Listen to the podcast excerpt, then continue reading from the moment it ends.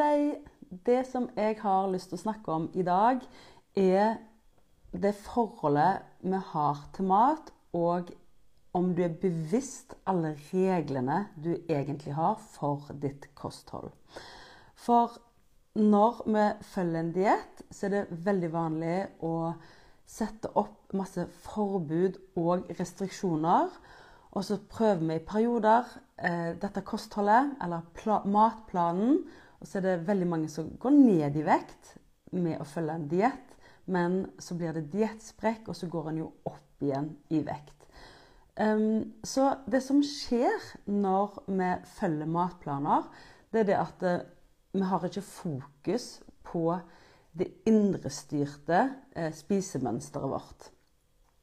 Det vil si, du er født med en rasjonell hjerne og en iboende fornuft. Fornuft sånn. Vi er født fri.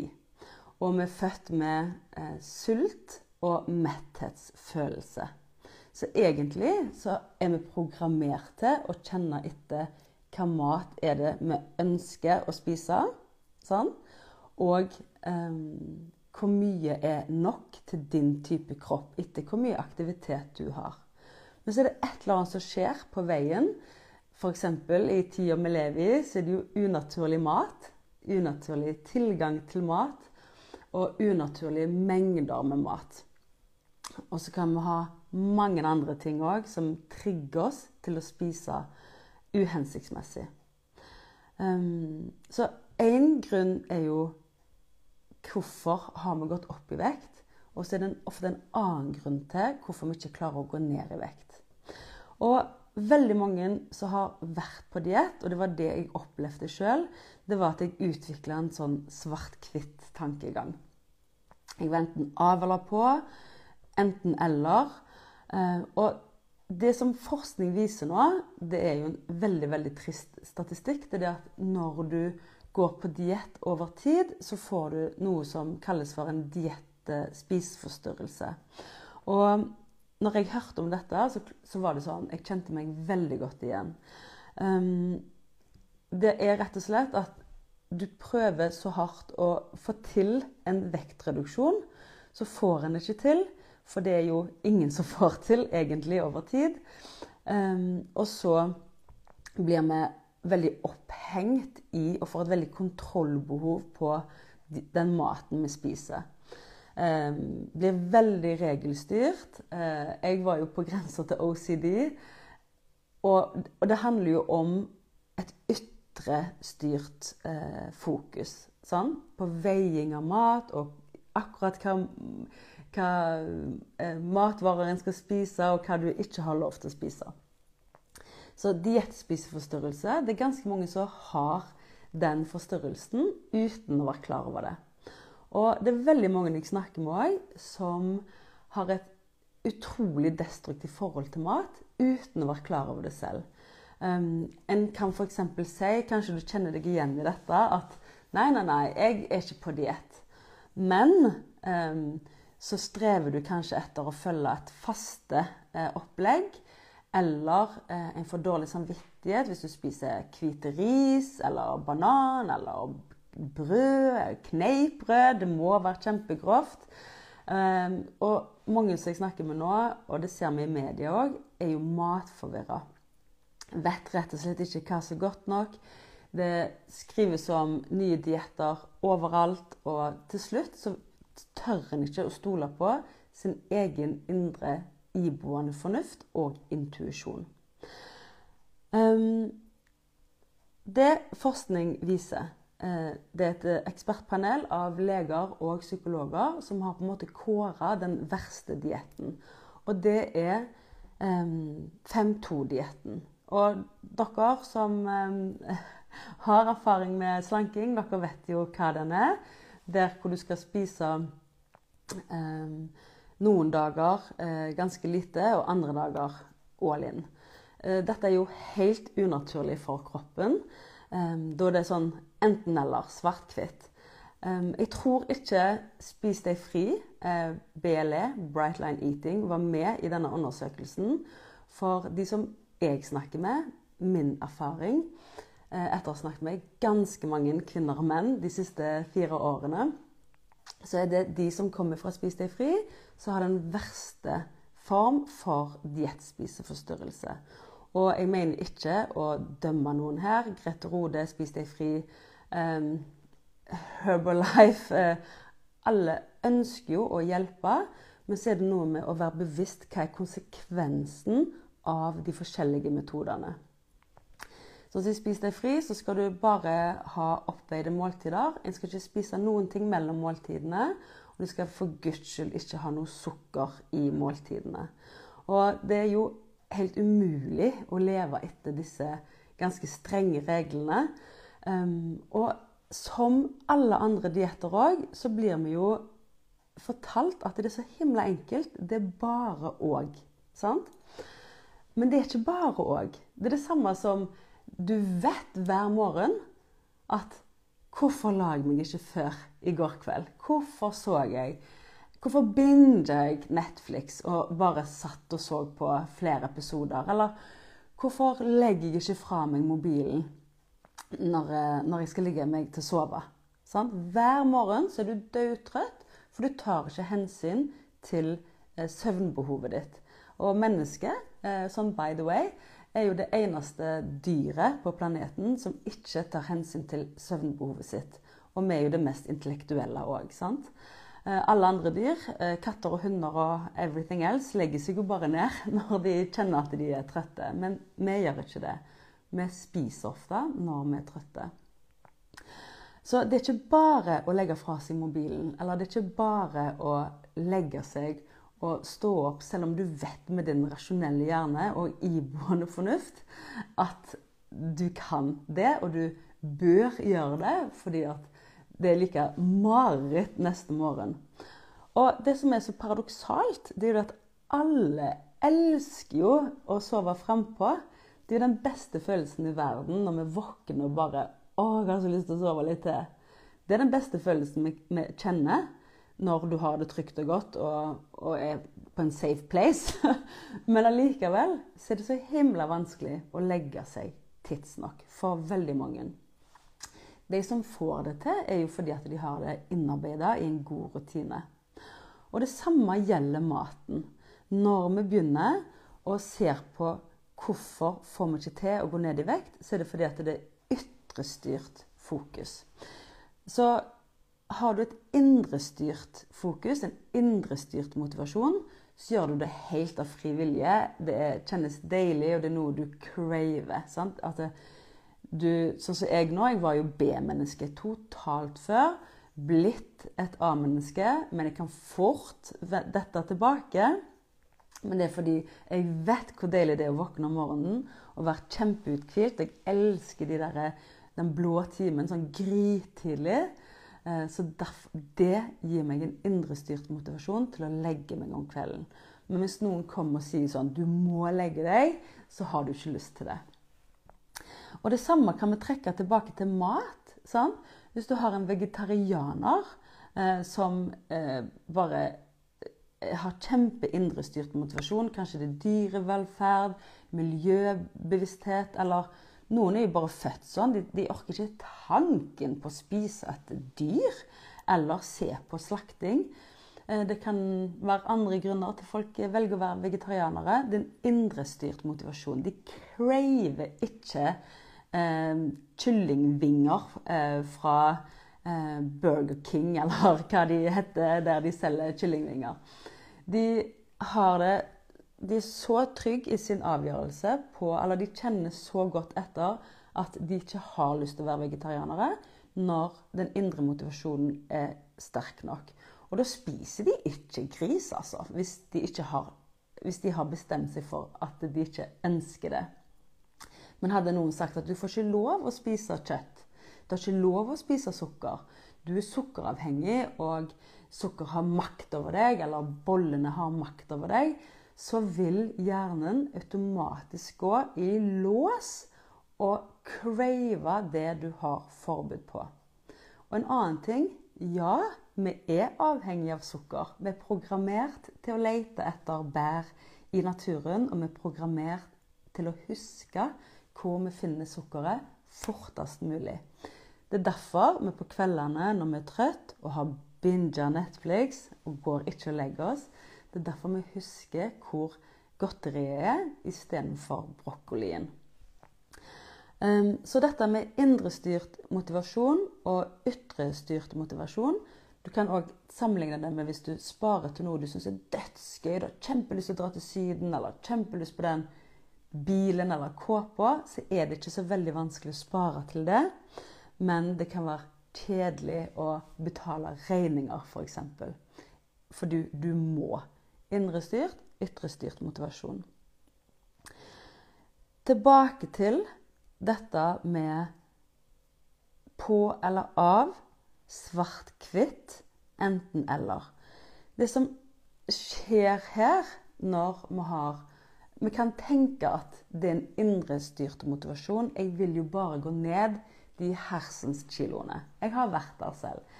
Jeg hadde ikke lyst til å bruke resten av livet på å finne den perfekte dietten. Jeg syns 20 år var nok.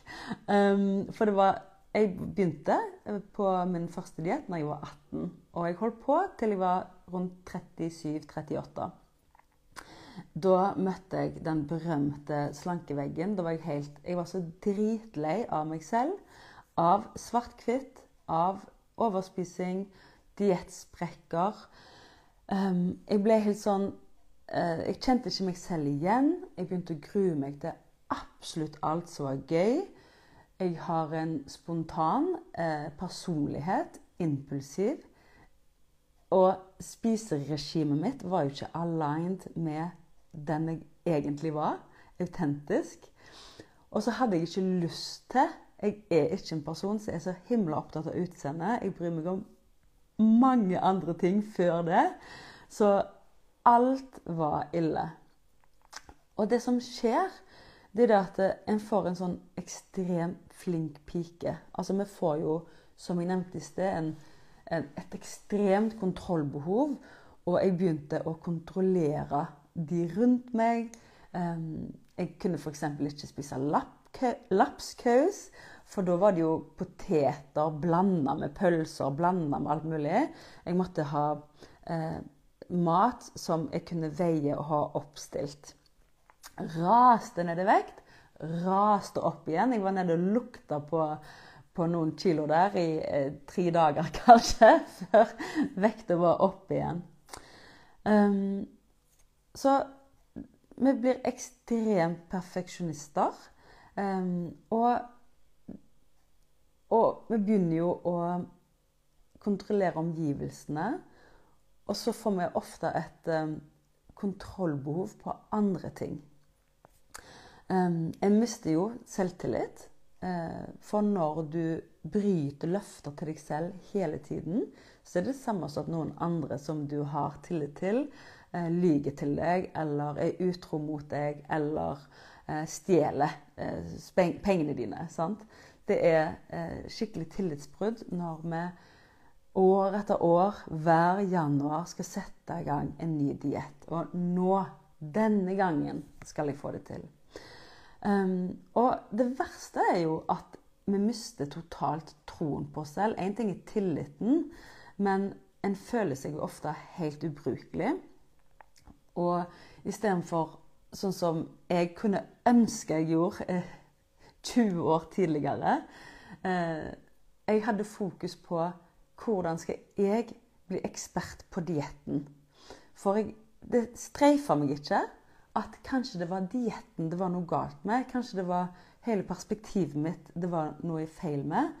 Jeg tenkte hele tida at det var jeg som var feil, fordi alle andre klarer jo denne dietten. Selv om jeg satt på Grete Rode-kurs, og vi skulle bort i skammekroken og veie oss. Og jeg hadde gått opp i vekt, og andre hadde jo hatt diettsprekker. Uh, allikevel så tenkte jeg at vi må bare bli enda flinkere. Uh, og det er jo det som skjer, at vi, vi blir strengere og strengere og mister totalt uh, troen på oss selv. Fordi alle ernæringsfysiologer og diettkursholdere sier jo at det er bare å. Sant? Det er bare å følge en tallerkenmodell. Men hadde det vært så enkelt, så hadde jo alle fått det til. Ingen hadde vært overvektig. For i dag så har vi kunnskap. Og har du vært på en slank over tid, så har du ofte mer kunnskap enn en ernæringsfysiolog eller en PT. Vi kan alt. For det som er poenget, er at vi spiser jo på to ting. Det ene er lyst, og det andre er overlevelsesinstinktet, altså sult. Men i dagens samfunn så går vi ikke rundt er sultne. Sant? Eh, vi spiser på lyst. Og dette er veldig kulturelt og selvfølgelig arvelig. arvelig. Har, noen har mer cravings til mat, har lyst å spise mer enn andre. Men det er en følelse som kommer, som gir deg lyst på noe. Eh, og for noen så er det så mye forbud. Så, sånn ble det for min del. Jeg hadde så mye forbud at jeg la ikke merke til når jeg fikk cravingsen. Det var sånn F.eks. boller da, og bakverk, som var min sånn eh, svakhet. um, så var jeg så redd. Jeg ble redd boller og, ba og, bakerier. At når jeg først ble eksponert for det, så var det som om eh, hjernen ikke fungerte. Og kaller, mange kaller det for eh, mattåke. Eh, eller matkoma. At du bare spiser, og så har du rett og slett ikke fått med deg hva du gjorde. Og det er triggeret direkte til urinstinktet. Det er litt det samme som du har en refleks, og du bare reagerer automatisk. Når du er ute og kjører bil, så kjører du helt på autopilot, og så skjer det noe, så reagerer du selvfølgelig automatisk. Det er derfor vi har, har denne hjernen som vi har. Um, så det som er så viktig, er jo å kjenne etter den indrestyrte motivasjonen. Sant? Istedenfor å følge en matplan, et ytrestyrt eh, system, så har du absolutt fungerende indrestyrt system. Og det er det samme med ytrestyrt motivasjon, indrestyrt motivasjon. Når du kjenner etter hva er det du spiser på? Når jeg måtte lære meg å stoppe opp, og hva er det som skjer egentlig når jeg nærmer meg et bakeri? Jo, jeg lærte meg at jeg spiser jo på følelser, for jeg var jo ikke sulten. OK, reaksjonsevnen her. Hva er det som skjer? Stopp opp. Det skjer noe. Jeg observerer noe. Eller andre sanser. Lukter noe. Hører noe et eller annet skjer, psykisk eller fysisk, som trigger meg, så jeg får en reaksjon som gjør at jeg agerer på en spesiell måte. Og det som jeg så, det var det at når jeg var liten eh, Hvorfor akkurat bakverk er liksom min eh, go to? Det er for at når jeg var liten, så var mammaen min student. Og når hun hadde friperioder fra eksamen og lesing, da bakte vi. Da hadde vi tid til å bake. Og når vi var hos mormoren min, så bakte vi. Og da var liksom mamma 100% til stede. Og det er liksom de beste minnene fra baking hjemme med mamma. Eh, og da hadde hun tid til oss. I en ellers hektisk hverdag. Um, så når jeg da var ungdom og hadde en veldig tøff periode, så brukte jeg mat som trøst istedenfor å, å håndtere følelsene mine på en bedre måte. Derfor gikk jeg veldig mye opp i vekt på et lite skoleår. Eh, jeg gikk opp 50 kg på et skoleår når jeg flytta for meg selv til Stavanger. Da skulle jeg gjøre alt jeg ikke hadde fått lov til hjemme. Det var boller og brus med bestevenninna min i kollektiv. Eh, det var Nugatti og Loff, og det var cola. Eh, og eh, ja, mye øl. Mye festing. Og eh, resulterte jo selvfølgelig at For det første, jeg håndterte jo ikke følelsene mine, så det ble jo en, et traume oppå traume, og så ble jeg kjempeovervektig. Egentlig så brydde jeg meg ikke der og da. I couldn't care less. Jeg var ikke opptatt av utseendet. Jeg sminka meg ikke. Jeg var jo sikkert 30 før jeg fikk min første rettetang. Men andre reagerte jo. Og det var jo selvfølgelig ikke bra at jeg ble så stor på så kort tid. Og da bestemte jeg meg for at jeg skal finne den perfekte dietten, sånn at jeg aldri trenger å tenke på hva jeg skal spise. Jeg skal bare finne en diett. Og jeg brukte de neste 20 årene på å finne den perfekte dietten. Så det som skjedde, det var det at den siste diettkurset jeg var på, det var jo så strengt at jeg ble diettspiseforstyrra. Eh, jeg var ikke klar over det da, men jeg merker at jeg er blitt en person som jeg ikke har lyst til å være. Og vi kan jo alle ha uhensiktsmessige mønstre, men det, det, når du får en personlighetsforstyrrelse, eller du får en forstyr, eh, forstyrret spiseatferd, hvis vi kan si det sånn, så er det jo når du går utover noe, når du får større konsekvenser. Sånn? Um, så mitt spisemønster og mitt tankekjør rundt mat var blitt sånn at det var ikke bare at jeg gruer meg til 17. mai og jul og påske og påskeegg. og Jeg gruer meg til slutt til, til, å gå i butikken. Fordi var det tilbud, så hadde jeg en craving med å utnytte det tilbudet. Men så hadde jeg jo ikke lov. Eller for any reason. Jeg vet, gruer meg til neste måltid. Fordi når du blir diettspiseforstyrra, og du har så mye regler, f.eks. fasting, så når du da tillater deg mat, så vil urinstinktet bare at du skal ham, hamstre maten. Du skal bare spise alt du kan. Fordi du vet ikke når neste gang du skal få spise igjen. Det er derfor veldig mange som er på diett, eller har erfaring med diett, eh, syns det er veldig vanskelig å ha hensiktsmessige porsjonsstørrelser.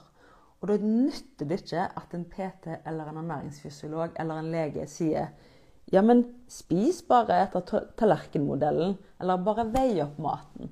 Fordi at du har en sterkere kraft i deg som forteller deg spis alt du kommer over. Det er nå du har muligheten. Sant? Um, for det som skjer, dette med faste, det er jo veldig mange som lurer på. Og i noen kulturer så er det helt vanlig. I noen eh, områder i verden så er det en del av deres spisemønster. Og det, når vi kommer fra nord, eh, Norge, eh, vi er korte, vi er kraftigere, og vi har alle fire sesongene. Vi er bygd på en helt annen måte og har helt andre ja, Ikke veldig annerledes, men vi har andre egenskaper enn mennesker som bor i andre kulturer, eh, og som eh, har sin kropp og sitt spisemønster etter hvor de kommer fra. Så faste er det samme som dette med å være vegetarianer. Sant? Eh, hvis du har en indrestyrt motivasjon og aldri vært på diett før, så, så du, og du er nysgjerrig på faste, så kan faste være helt fantastisk. Sant? Det samme er hvis at du eh, aldri har vært på diett, og så plutselig finner du ut at du vil være vegetarianer. Det kan være helt Støtte det 100 um, Det er noe helt annet enn hvis du har et eh, allerede eh, ødelagt forhold til mat, altså relasjonen din til mat, er i konflikt. Da er faste kjempetriggende. Fordi da går det inn på dette med ytrestyrt motivasjon, som handler om at du skal faste for å gå ned i vekt. Og det er der eh, hjernen vår eh, gjør seg vrang. Sant? Eh, hvis vi faster for av helt andre årsaker. At det, en, en, kjenner at det føles rett for meg, og alt er happy go lucky, holdt jeg på å si. Så er det noe annet enn hvis en tenker dette er noe jeg må gjøre, for da går jeg ned i vekt. En annen ting det er at hjernen vår vil egentlig ikke ha en vektreduksjon. For vi er jo ikke født med en vekt at vi kan gå og veie oss. Um, så hvis jeg går ned i vekt, så vil kroppen min gå i alarmberedskap. Fordi før i tiden når vi ikke kunne ha disse målenhetene. Så det å gå ned i vekt det var jo farlig. Det var jo tegn på at du holdt på å daue. Og det er derfor veldig mange eh, venner og familie eh, får ubehagelige eh, reaksjoner når de ser sine nærmeste gå ned i vekt. Så når mine kunder, f.eks., eller når jeg sjøl endelig eh, gikk ned i vekt med rasjonell tilnærming, dvs. Si at vi kobler hodet på sånn, Hodet får kontroll over urinstinktet og de refleksreaksjonene. Og vi jobber med følelsene våre etter hva vi spiser på. Så gikk jo jeg ned i vekt, og mange da Oi, er det noe galt? sant? Altså, reaksjonene kan være at folk syns det er ubehagelig eller skremmende. Eh, vi kan høre sånne ting som hun er blitt så skral. Har hun det bra? Um, hvis vi ser folk har gått fort ned, i hvert fall før fedmeoperasjonene, så tenkte vi, tenkte vi, instinktivt at de er syke. Sant? Um, så det er òg noe å tenke på at vi, vil, vi liker ikke å miste noe. Vi er på en måte programmert til å beholde det vi finner. Finner du noe ute i naturen, så skal du bruke det og nyttiggjøre det. Og vi liker ikke å miste noe. Eh, du vil få en sterkere eh, reaksjon hvis du mister en pantelapp på butikken enn eh, styrken av glede med å få denne pantelappen. Jeg, jeg, tror du skjønner hva jeg mener. Yes. Så for å pakke dette sammen Vi er både og. Vi er glad, og vi er lei oss. Vi er sterke, vi er svake, vi er fornøyd, og vi er misfornøyd. Eh, vi er motivert, og vi er umotivert. Vi er alt sammen. Det som skjer når vi prøver å følge en diett over tid, det er det at vi prøver å være på hele tida. Og det som òg skjer, er at vi tenker Vi må Vi begynner å Vi har jo ikke tillit til oss selv lenger. Vi mister helt troen på oss selv. Så det som ofte skjer at vi blir en people pleaser. For vi har ikke tillit til oss selv. Vi stoler ikke på oss selv. Derfor er det ekstra viktig at andre stoler på oss selv. Så veldig mange som holder på å møte veggen pga. slankestyr, eh, er blitt ekstremt ja-mennesker. Jeg syns det er veldig vanskelig å sette grenser for seg selv. Så det som jeg oppdaget, var jo at dietten er med å, eh, er med å ødelegge det naturlige spisemønsteret som jeg en gang hadde, før jeg begynte å bruke mat som trøst. Så jeg sier at det er én grunn til at vi går opp i vekt, men det er ofte en annen grunn til at vi går ned i vekt. Men det er kjempeviktig at vi blir bevisst begge deler. Er du på, eller er du av? Sånn? Nå har jeg vært flink å spise. Da er jeg flink å trene. Og så er vi av. Av trening, og da er det all in. Eh, eller enten-eller. Og det som skjer òg da, det er at humøret ditt, og mitt i hvert fall Det er jo, kan bare være helt ærlig å si. Mitt humør svingte jo om jeg følte at jeg hadde spist bra den dagen. Sånn?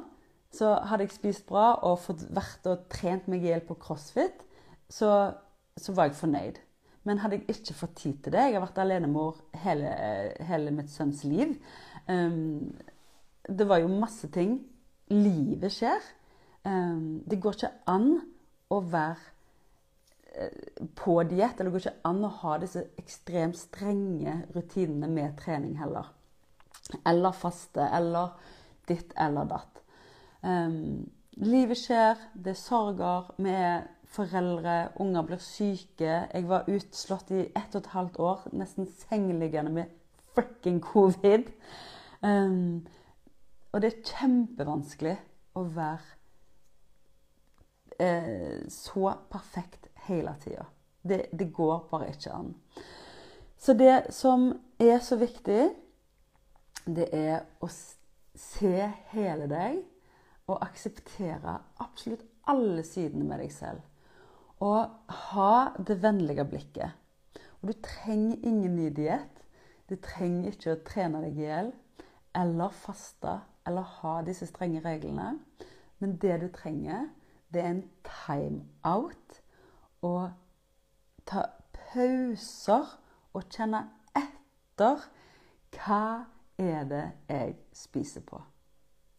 Sånn? Jeg hadde det så travelt. Fulltidsstudent, alenemor, crossfit. Eh, jeg hadde barn hjemme i Brasil, så jeg drev sammen med ei venninne. Det var å skulle date på Tinder og skulle på guds gå ned i vekt. Sant? Og familie og everything. Vi rusher, rusher, rusher, rusher. Forventninger, forventninger, forventninger. Så det viktigste vi kan gjøre, det er å stoppe opp, kjenne etter. Hva er det jeg trenger her og nå? Hva er det jeg spiser på, og hvorfor spiser jeg på det? Er det fordi jeg har hatt for mye forbud, eller er det fordi jeg, jeg eh, bruker mat til å regulere følelsene mine? Så kan det òg hende at du har uvaner. At du med, med any reason eh, så har du en unnskyldning til Det ble McDonald's i dag òg. Eh, Forsov oss. McDonald's. Eller um, for, for, eksempel Jo, den er jo helt høyst aktuell. Eh, dette spisepresset når noen har lagd noe til deg. Sånn? Og jeg har jo testa dette og sier nei takk, jeg er forsynt. Og så er det nesten sånn du skal spise. Sånn? Nei takk, jeg er forsynt. Eh, du lagde en fantastisk middag, og så er det nesten sånn? Det kjærlighetsspråket til de som er glad i oss, det er så sterkt forankra i å, å fòre oss. Sånn? Spesielt kvinner har jo Jeg merker det jo sjøl. Liksom, er det noen som er sultne? Så skal vi prakke på ungene masse mat. Sant? Eller hvis de har slått seg, så skal de få kjeks. Skolen til sønnen min så gir de eh, småkaker i belønning når de fører seg bra. Sant? Så vi kobler jo mat til mye. Så når er det du Hvilke unnskyldninger har du for at det plutselig blir uhensiktsmessig spising? Sant? Um, og noen spiser på så eh, tunge følelser, det er så mye ubearbeida, eh, at en orker ikke å ta tak i det. Så når jeg sier at 'møt følelsene', så er jo det en oppfordring, selvfølgelig, for det var jo det jeg trengte. Jeg spiste jo på eh, min sorg, eh, som eh, skjedde når jeg var ungdom. Og så tok jeg jo aldri tak i sorgen. Jeg måtte jo bli haugammel. Jeg var jo Ja, da eh, når jeg oppdagte dette, så var jeg jo rundt 36-37. 38. Når jeg innså at jeg spiser jo på ubearbeida følelser. Um, så da måtte jeg få hjelp til å håndtere de, de følelsene som satt i meg fra barndomstiden. Um, det er ikke alle som har mulighet til det, eller har kapasitet eh, i en travel hverdag. Um, men hvis du ikke du um, har lyst eller kapasitet til å ta tak i det du spiser på, øv på å i hvert fall stoppe opp og kjenne at jeg, jeg tar ikke det, den sorgen nå, men jeg skal trøste meg med en annen måte enn å spise på det. For boller er ikke trøst. Det er minnet og følelsene som boller gir deg, som er trøsten. Er du med på den? Når jeg eh, crava boller, så var det ikke egentlig bollene jeg crava. Jeg crava eh, å være sammen med mammaen min når hun hadde tid, og eh, baka til meg.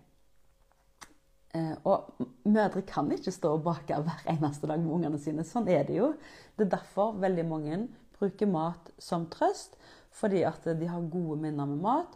Og så er vi jo òg programmert til at vi skal spise eh, når vi har vondt. Sant? Altså, vi kommer ut av mor, mors mage, og så er det rett på puppen. Og vi får ammemelk til både smertelindring og eh, for å gå opp i vekt og you name it når vi er babyer. Og så blir det tutt. Igjen suging eh, på noe for å stimulere.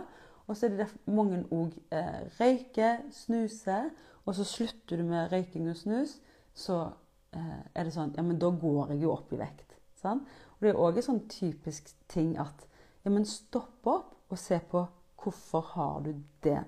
Hvorfor har du den sannheten for deg selv? For det trenger ikke å være sånn. All right. Eh, jeg håper at eh, du fikk eh, noe med deg, masse bra med deg fra denne, denne sendingen. Og hvis det er noe du lurer på her og nå, så er det bare til å skrive i chatten. eller hvis du har tema eller spørsmål som du ønsker skal ta opp, så gjør jeg gjerne det. og dette er jo ting dere sender til meg på, på Instagram, hovedsakelig om dette med ja, men hva med faste? Hva med trening? Hva med karbohydrater? Um, hvordan gjør jeg det når jeg skal på ferie, da? Sånn. Igjen, det er dette med av og på. Enten-eller. Du skal Du har en rasjonell hjerne, du har en iboende fornuft. Og hvis du klarer å få ditt spisemønster, eh, reparere relasjonen til mat, Sånn at du ikke er av og på. Du er deg. Sånn som du er egentlig med de andre eh, sidene i livet òg. Ja, vi går på jobb, og så går vi av jobb.